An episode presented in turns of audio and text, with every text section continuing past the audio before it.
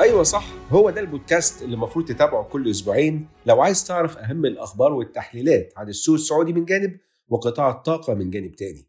أيوه هو ده بودكاست أخضر في أسود. واختار اللون اللي بتحبه.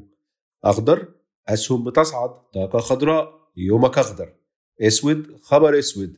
ذهب أسود. يومك برضو أخضر. وأنت بتسمع البودكاست عايزك تركز مع الموسيقى اللي في الخلفية. وحاول تعرف كم مرة كانت خضراء وكم مرة كانت سوداء ويلا خلونا نعد قصدي نبتدي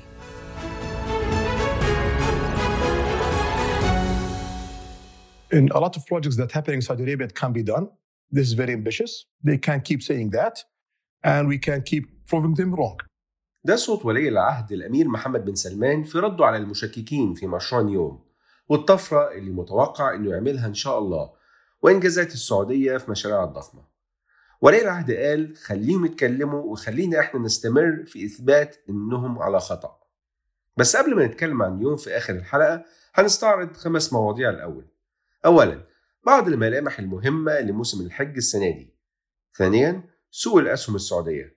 ثالثا بعض مؤشرات الاقتصاد السعودي. رابعا سوق النفط وآخر تطوراته. خامسا وأخيرا أحدث ما في قطاع المشروعات الصغيرة والمتوسطة بالمملكة. في الأول خلونا نستعرض بعض الملامح المهمة في موسم الحج السنة دي. كل عام وحضراتكم بخير وأهلا مرة تانية بعد إجازة طويلة بمناسبة عيد الأضحى المبارك وكمان عام هجري جديد. أعد الله علينا جميعا باليمن والخير والبركات. موسم الحج السنة دي 1444 هجرية كان غير. الميتافيرس والتكنولوجيا الحديثة كانوا متواجدين بشكل واسع. على سبيل المثال لأول مرة وزير النقل والخدمات اللوجستية في السعودية المهندس صالح الجاسر كان دشن النظارة الافتراضية بتقنية الواقع المعزز اللي هي Augmented Reality. التقنية دي بتستخدم في المتابعة والتأكد من اتباع أنشطة النقل للاشتراطات والأنظمة لتسهيل تنقلات الحجاج. الفكرة إن المراقب الميداني كان بيلبس النظارة الافتراضية علشان يستعلم عن المركبة والسائق بشكل سريع وكمان يوثق عملية الفحص ولو في مخالفات. التقنية الجديدة دي ساهمت في رفع جودة الرصد وقللت من التكدس في نقاط التفتيش. وخد عندك كمان والأول مرة طيارات الدرون لفحص الطرق والتأكد من سلامة وجودة الطرق المؤدية للمشاعر المقدسة. الهيئة العامة للطرق استخدمت التقنية دي اللي بتشتغل بشكل حراري علشان ترصد الملاحظات على شبكة الطرق وكمان علشان تفحص العبارات والجسور بشكل آلي وسريع ودقيق. ده غير استخدام تقنية تانية في طلاء الأسطح الإسفلتية لطرق ومسالك المشاعر المقدسة علشان تخفض درجة الحرارة على الحجاج وتبرد المناخ في طرق المشاة. ده من خلال زيادة مستوى التبريد للمناخ من حواليهم. لأن الطلاء الأبيض بيساهم في خفض درجة حرارة السطح حوالي 30 درجة مئوية. وكل ده باستخدام مواد محلية الصنع بتقدر تمتص كمية أقل من الأشعة الشمسية. وخد عندك كمان خدمة جديدة من الهيئة السعودية للبيانات والذكاء الاصطناعي سدايا اللي قدرت تتيح عدد من الخدمات الرقمية خلت حجاج بيت الله الحرام يستفيدوا منها. من خلال تطبيق توكلنا خدمات وبسبع لغات وهي العربية والإنجليزية والفلبينية والإندونيسية والبنجلاديشية والأردية والهندية. التطبيق اللي عدد مستخدميه وصل لأكثر من 17 مليون مستخدم بيقدم لهم 241 خدمة إلكترونية وبيستخدم في 77 دولة في العالم. وخد عندك كمان قطار المشاعر اللي نقل أكثر من 2 مليون راكب خلال موسم الحج. أو 2 مليون 130 ألف راكب بالتحديد حسب إحصائيات الخطوط الحديدية السعودية صار وكل ده من خلال 2208 رحلة ترددية بين محطات منى وعرفات والمزدلفة. كل الأعداد دي كانت في سبعة أيام بس. الحج السنة دي كان فيه حوالي 3 مليون حج على عرفات. الركن الأهم في الحج. ده حتى يوم عرفة تم ترجمة الخطبة ل 20 لغة عالمية عن طريق الرئاسة العامة لشؤون المسجد الحرام والمسجد النبوي. واللغات ديت كانت الإنجليزية والفرنسية والأردية والألمانية والإسبانية والإندونيسية والبنغالية والملايامية والأمهرية والهوسة والتركية والروسية والصينية والفارسية والتاميلية والفلبينية والبوسنية والسواحلية والهندية والسويدية كمان. والبث تم من خلال منصة وتطبيق منارة الحرمين يعني تكنولوجيا برضه بس الموضوع ما كانش تكنولوجيا بس ده كان فيه مشاركة فعالة من جانب 150 فتاة من لجنة فتيات الكشافة السعودية اللي كانوا بيقدموا للحجاج خدمات نوعية زي مثلا في مستشفى الملك فيصل بمكة المكرمة من خلال مساعدة المرضى وتوجيههم داخل المستشفى. ده بالإضافة لدورهم في مراكز الإرشاد التابعة لوزارة الحج والعمرة من خلال إرشاد الحجاج وتوزيع الخرائط الإرشادية. يعني الجو العام كان ممتاز بس درجة حرارته كانت عالية جدا لدرجة إنها سجلت 48 درجة في الظل يوم عرفة. وده اللي خلى الأرصاد السعودية تنبه الحجاج وطلبت منهم إنهم يلتزموا بالإرشادات الصحية وعدم التعرض لأشعة الشمس المباشرة. ولتخفيف الأمر على الحجاج تم ضخ أكثر من مليون و360 ألف متر مكعب يوميا من مياه الشرب في مكة المكرمة والمشاعر المقدسة والمدينة المنورة خلال موسم الحج. لكن بالرغم من كده كان في حالات إجهاد حراري وصلت لأكثر من 6500 حالة. لكن الحمد لله وزارة الصحة السعودية قالت إنه لم يتم تسجيل أي تفشيات أو أمراض مهددة للصحة العامة ما بين الحجاج.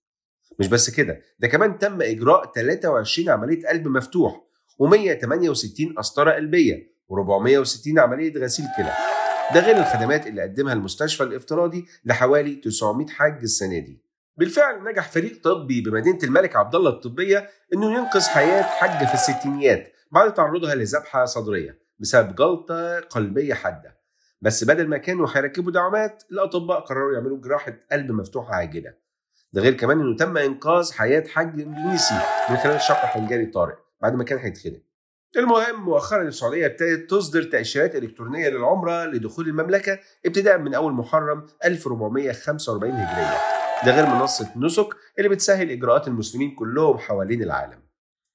ونروح لأداء السوق اللي كان سجل أداء جيد خلال النص الأول من 2023 بارتفاع عدى 9% وفي بعض المحللين بيتوقعوا أن سوق الأسهم السعودية هيكون في ارتفاع لأسهم قطاع المواد الأساسية نتيجة توقعات بزيادة الطلب على المنتجات خلال نفس الفترة خام برنت انخفض ب 9% زيه زي خام غرب تكساس اللي انخفض بدوره ب 9.5% هو كمان. أما الفترة الجاية فممكن تشهد إدراجات مزدوجة من تداول السعودية من جانب وبورصة لندن من جانب تاني. بورصة لندن لا تزال هي الوجهة الأهم للشركات الدولية للإدراج في أسواقها عن طريق شهادات الإيداع الدولية على سبيل المثال. بقالها حوالي 30 سنة في السعودية والعمل متواصل. خلال كام السنة اللي فاتوا المجموعة كانت نشطة جدا في المملكة وساعدت في الانتقال نحو رؤية 2030 وخصوصا في أسواق الدين لما ساعدوا وزارة المالية وصندوق الاستثمارات العامة وأرامكو السعودية في إصدار سندات خضراء ده غير مساعدتهم في دخول أسواق الدين الدولية الفترة الجاية إن شاء الله هتشهد اهتمام بأسواق الأسهم كمان. في مارس السنة دي شركة دار الأركان أكبر شركة عقارية في المملكة كانت أدرجت شركة تابعة ليها وهي دار جلوبال على بورصة لندن بقيمة سوقية بلغت حوالي 600 مليون دولار كأحد أكبر الإدراجات في النصف الأول.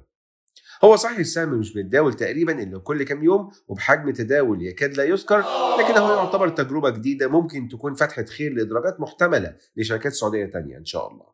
وخصوصا الشركات اللي ليها قطاعات أعمال دولية وبتفكر في زيادة رؤوس أموالها أو حتى الشركات السعودية المدرجة في تداول واللي عايزة تعمل إدراج مزدوج في بورصة لندن ومين عارف مش يمكن شركة أرامكو تكون ضمن الشركات دي آه بمناسبة أرامكو شركة النفط السعودية العملاقة وقعت مؤخرا عقد بقيمة 11 مليار دولار مع شركة توتال إنرجيز الفرنسية لبناء مجمع جديد للبتروكيماويات في السعودية.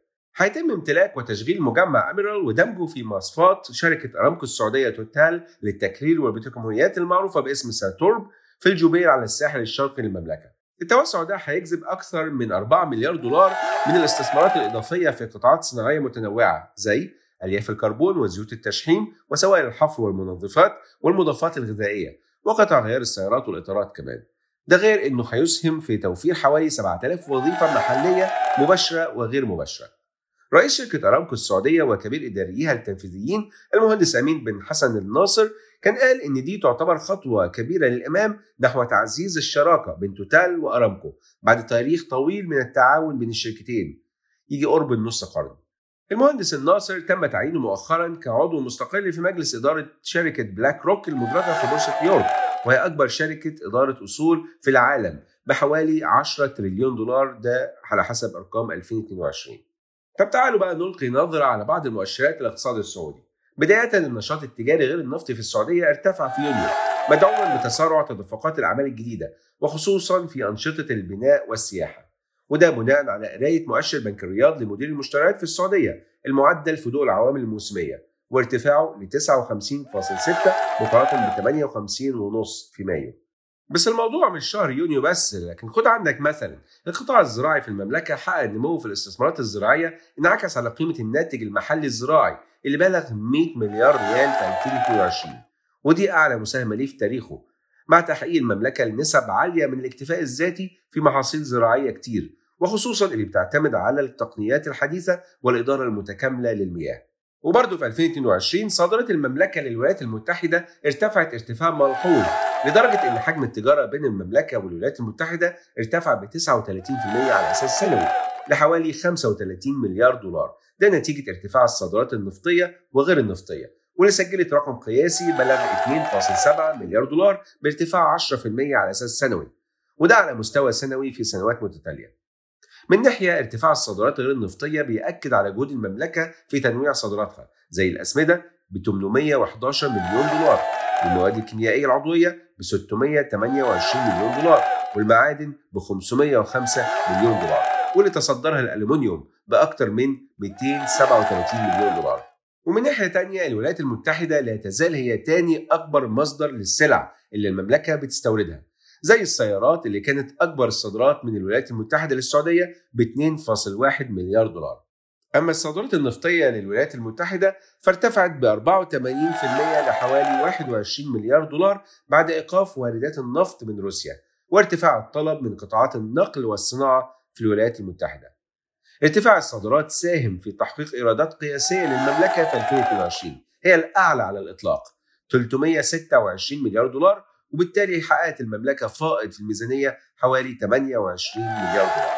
أما بالنسبة لقطاع البنوك فارتفعت أصول البنك المركزي السعودي سما لتريليون و872 مليار ريال في مايو بارتفاع 2.7% على أساس شهري.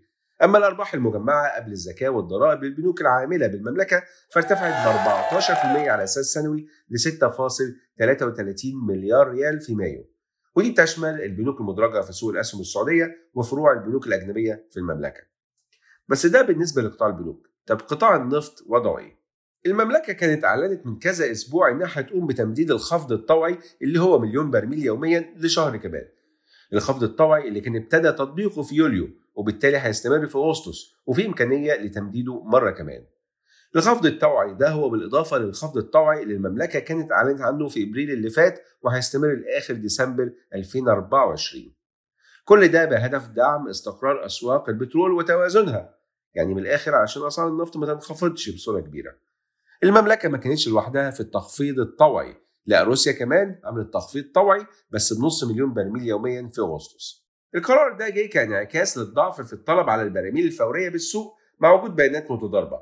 منها المحفز لصعود الأسعار زي تراجع مخزونات الخام الأمريكية ومنها المحفز لهبوط الأسعار زي انخفاض الطلب من الصين. لكن في آراء إن تمديد خفض الإنتاج ملوش علاقة بمستويات الأسعار الحالية اللي بتتداول بقالها فترة في نطاق ضيق في السبعينات للبرميل الواحد وإن مفيش ما يدعو أسعار النفط إنها تتجاوز ال 80 دولار للبرميل ولا في ضغوط ممكن تخفضه لأقل من ال 70 دولار للبرميل. لكن السؤال دلوقتي هل مستهدف أوبك لإنتاج النفط اللي هو 102.3 مليون برميل في 2023 وبارتفاع 2.7% على أساس سنوي هل المستهدف ده ممكن يتأثر؟ لكن في توقعات إن مستهدف المملكة نفسه بتحقيق فائض في الميزانية السنة دي حوالين 0.4% من الناتج المحلي الإجمالي هيكون صعب بسبب الخفض الطوعي اللي لسه كنا بنتكلم عنه. لكن في نفس الوقت العجز مش هيكون كبير بفضل ثبات توزيعات الأرباح الأساسية من شركة أرامكو واللي بتمثل تلت الدخل البترولي للحكومة السعودية. من ناحيته الأمين العام لمنظمة أوبك هيثم الغيث كان قال إن القطاع النفطي بحاجة لاستثمارات ب 12 تريليون دولار لغاية 2045 وقال كمان إن الاستثمارات في القطاع مش كافية ولا بد من ضخ استثمارات أكتر في القطاع لتلبية الطلب في المستقبل. ووضح إنه لازم نلفت انتباه الصناعة وصناع القرار لأهمية الابتعاد عن رسالة عدم الاستثمار في النفط لأن الاستثمارات النفطية انخفضت بعد 2016 من 500 مليار ل 200 مليار دولار سنويا. وإن دول أوبك هي نفسها سباقة في الاستثمار في مجال الطاقة المتجددة ولكن ما يكونش على حساب الطاقة التقليدية. التوقعات هي أن حصة النفط من مزيج الطاقة مش هتقل عن 30% على سنة 2045 وأن الحصة السوقية لأوبك هترتفع من 30% حاليا لأكثر من 40% ما بين سنة 2040 وسنة 2045 لكن خلونا نروح لأحد أهم القطاعات في رأيي الفترة الجاية لمستقبل المملكة وهو قطاع المشروعات الصغيرة والمتوسطة. بداية كده علشان أي قطاع ينمو ويزدهر الدولة لازم ولا بد تشتغل بنظام ال 360 درجة وتفكر في كل أصحاب المصلحة وإزاي كل واحد بيفكر وإيه هي دوافعه وتخوفاته. وده اللي المملكة بتعمله من جانب العمالة مع إعلان وزارة الموارد البشرية والتنمية الاجتماعية عن بدء المرحلة الثالثة لتوثيق العقود. والزام المنشآت بتوثيق 80% من عقود الموظفين من خلال منصة قوى وده لحد آخر سبتمبر الجاي إن شاء الله. الفكرة هنا هي حفظ حقوق أطراف العلاقة التعاقدية وتوفير بيئة عمل بتساعد على استقرار الموظف وزيادة إنتاجيته. ده غير التحقق من التزام المنشآت بقوانين وأحكام نظام العمل والتأكد من صحة بيانات العقود وبالتالي تقليل الخلافات والقضايا العمالية. وبناء على إجمالي عدد موظفي كل منشأة في كل ربع من سنة 2023 الوزارة حددت نسب التزام مطلوبة من ناحية توثيق العقود والمنشأة اللي مش هتلتزم هتتعرض لعقوبات. خدمة توثيق العقود بتتيح لأصحاب العمل إنهم يرفعوا ويحدثوا بيانات عقود العاملين في القطاع الخاص من السعوديين وغير السعوديين. وكمان بتتيح للعاملين نفسهم إنهم يتحققوا من صحة بيانات عقودهم. مش بس كده لا كمان يوافقوا على العقد أو يرفضوه أو يطلبوا تعديله. من خلال حساب على منصة قوى. وأول ما يتم موافقة الطرفين العقد بيعتبر موثق من قبل الوزارة. يعني من الآخر رقمنة العلاقة التعاقدية بين صاحب العمل والعامل. ومن ناحية تانية في 1041 شركة صغيرة ومتوسطة استفادت من خدمات برنامج الشركات متسارعة النمو المسمى طموح. وده عشان تعزيز نموها. ده حسب تقرير رسمي صادر عن الهيئة العامة للمنشآت الصغيرة والمتوسطة المسمى منشآت. منشآت كانت قالت إن البرنامج دعم طرح ثلاث شركات في السوق الموازية المسمى النمو خلال السنة دي لغاية دلوقتي. يعني 60% من مستهدف السنة اللي هو خمس شركات. وبكده إجمالي الشركات المدعومة بالطرح من وقت إطلاق البرنامج في يونيو 2020 هو 12 شركة على مدار ثلاث سنوات تقريبا. ده بمعدل أربع شركات في السنة. برنامج طموح بيستهدف تعزيز نمو الشركات الصغيرة والمتوسطة متسارعة النمو. علشان يطور من قدراتها من خلال ربطها بمقدمي الخدمات وجهات الدعم من القطاعين العام والخاص. بعد ما يحصل تشخيص لأعمالها وتحديد جوانب التطوير فيها بالإضافة لاستفادتها من خدمات كتيرة مقدمة من خلال منصة طموح. خلال أعمال قمة المجموعة الرسمية للشركات الناشئة في مجموعة ال 20 Startup 20 اللي انعقد مؤخرا في نيودلهي عاصمة الهند بمشاركة 29 دولة، السعودية أكدت دعمها لمقترح الهند بإنشاء صندوق بتريليون دولار. تحت رؤية السعودية 2030 اللي بتستهدف رفع إسهام المنشآت الصغيرة والمتوسطة في الناتج المحلي بمعدل 75% من 20% ل 35%. مش بس كده المملكة كمان ابدت استعدادها للتعاون مع Startup 20 لتقديم الفرصة دي لأهم المستثمرين في السعودية وعرض أفضل فرص للشركات الناشئة. المملكة بتهدف لإيجاد شراكات استراتيجية وفرص استثمارية مع الاستفادة من تجارب دول مجموعة العشرين وترويج مشاريع رواد أعمال المنشآت السعودية الصغيرة والمتوسطة والكبيرة كمان. وفي هذه الأثناء مشروع The Line الضخم في مدينة نيوم مستمر حسب الخطة الموضوعة ليه واللي هيكون بعد اكتماله أعجوبة هندسية ومعمارية متفردة بكل تفاصيلها ومعاييرها ده اللي أكده ولي العهد الأمير محمد بن سلمان واللي قال إن المملكة من خلال المشروع ده بتسعى لصناعة حضارة جديدة لبكرة ده كان في حديثه ضمن فيلم وثائقي عرضته قناة ديسكفري عن المشروع الأول من نوعه في العالم واللي نتيجته النهائية حسب كلامه هتكون خلاقة وجديدة. لكن بغض النظر عن المشروع نفسه النمو السكاني هو أحد أهم الدوافع لبناء مدينة جديدة لأن التوقعات هي أن عدد السكان في المملكة هيتضاعف من 33 مليون ل 50 55 مليون نسمة في سنة 2030 وده اللي هيستهلك البنية التحتية الحالية للمملكة وبالتالي الحاجة لمدن جديدة. فكرة نيوم ابتدت بتصميمات على شكل دايرة لحد ما مصمم واحد قال نخلي الدايرة تبقى خط مستقيم مشروع نيوم بيقع شمال غرب السعودية وبيشتمل على أراضي داخل مصر والأردن وبمساحة إجمالية توصل ل 26 ألف ونص كيلومتر مربع بس إيه اللي المستقبل مخبيه؟ الله أعلم وده اللي قاله ولي العهد برضه When we are bringing all the piece of puzzle together, I don't know what's the outcome of it. That's gonna be the creativity of the people gonna live from the whole globe in uh, in Neom. I can promise you that's gonna be something new and creative, but what is it? It's unknown. We're gonna see. وهو زي ما بيقولوا اعمل اللي تقدر عليه واتمنى الأفضل لكن استعد للأسوأ ولا أقول لكم بلاش سلبية وخلينا متفائلين أحسن كان معكم عمرو حسين الألفي من زاوية تحياتي لكم والسلام عليكم ورحمة الله وبركاته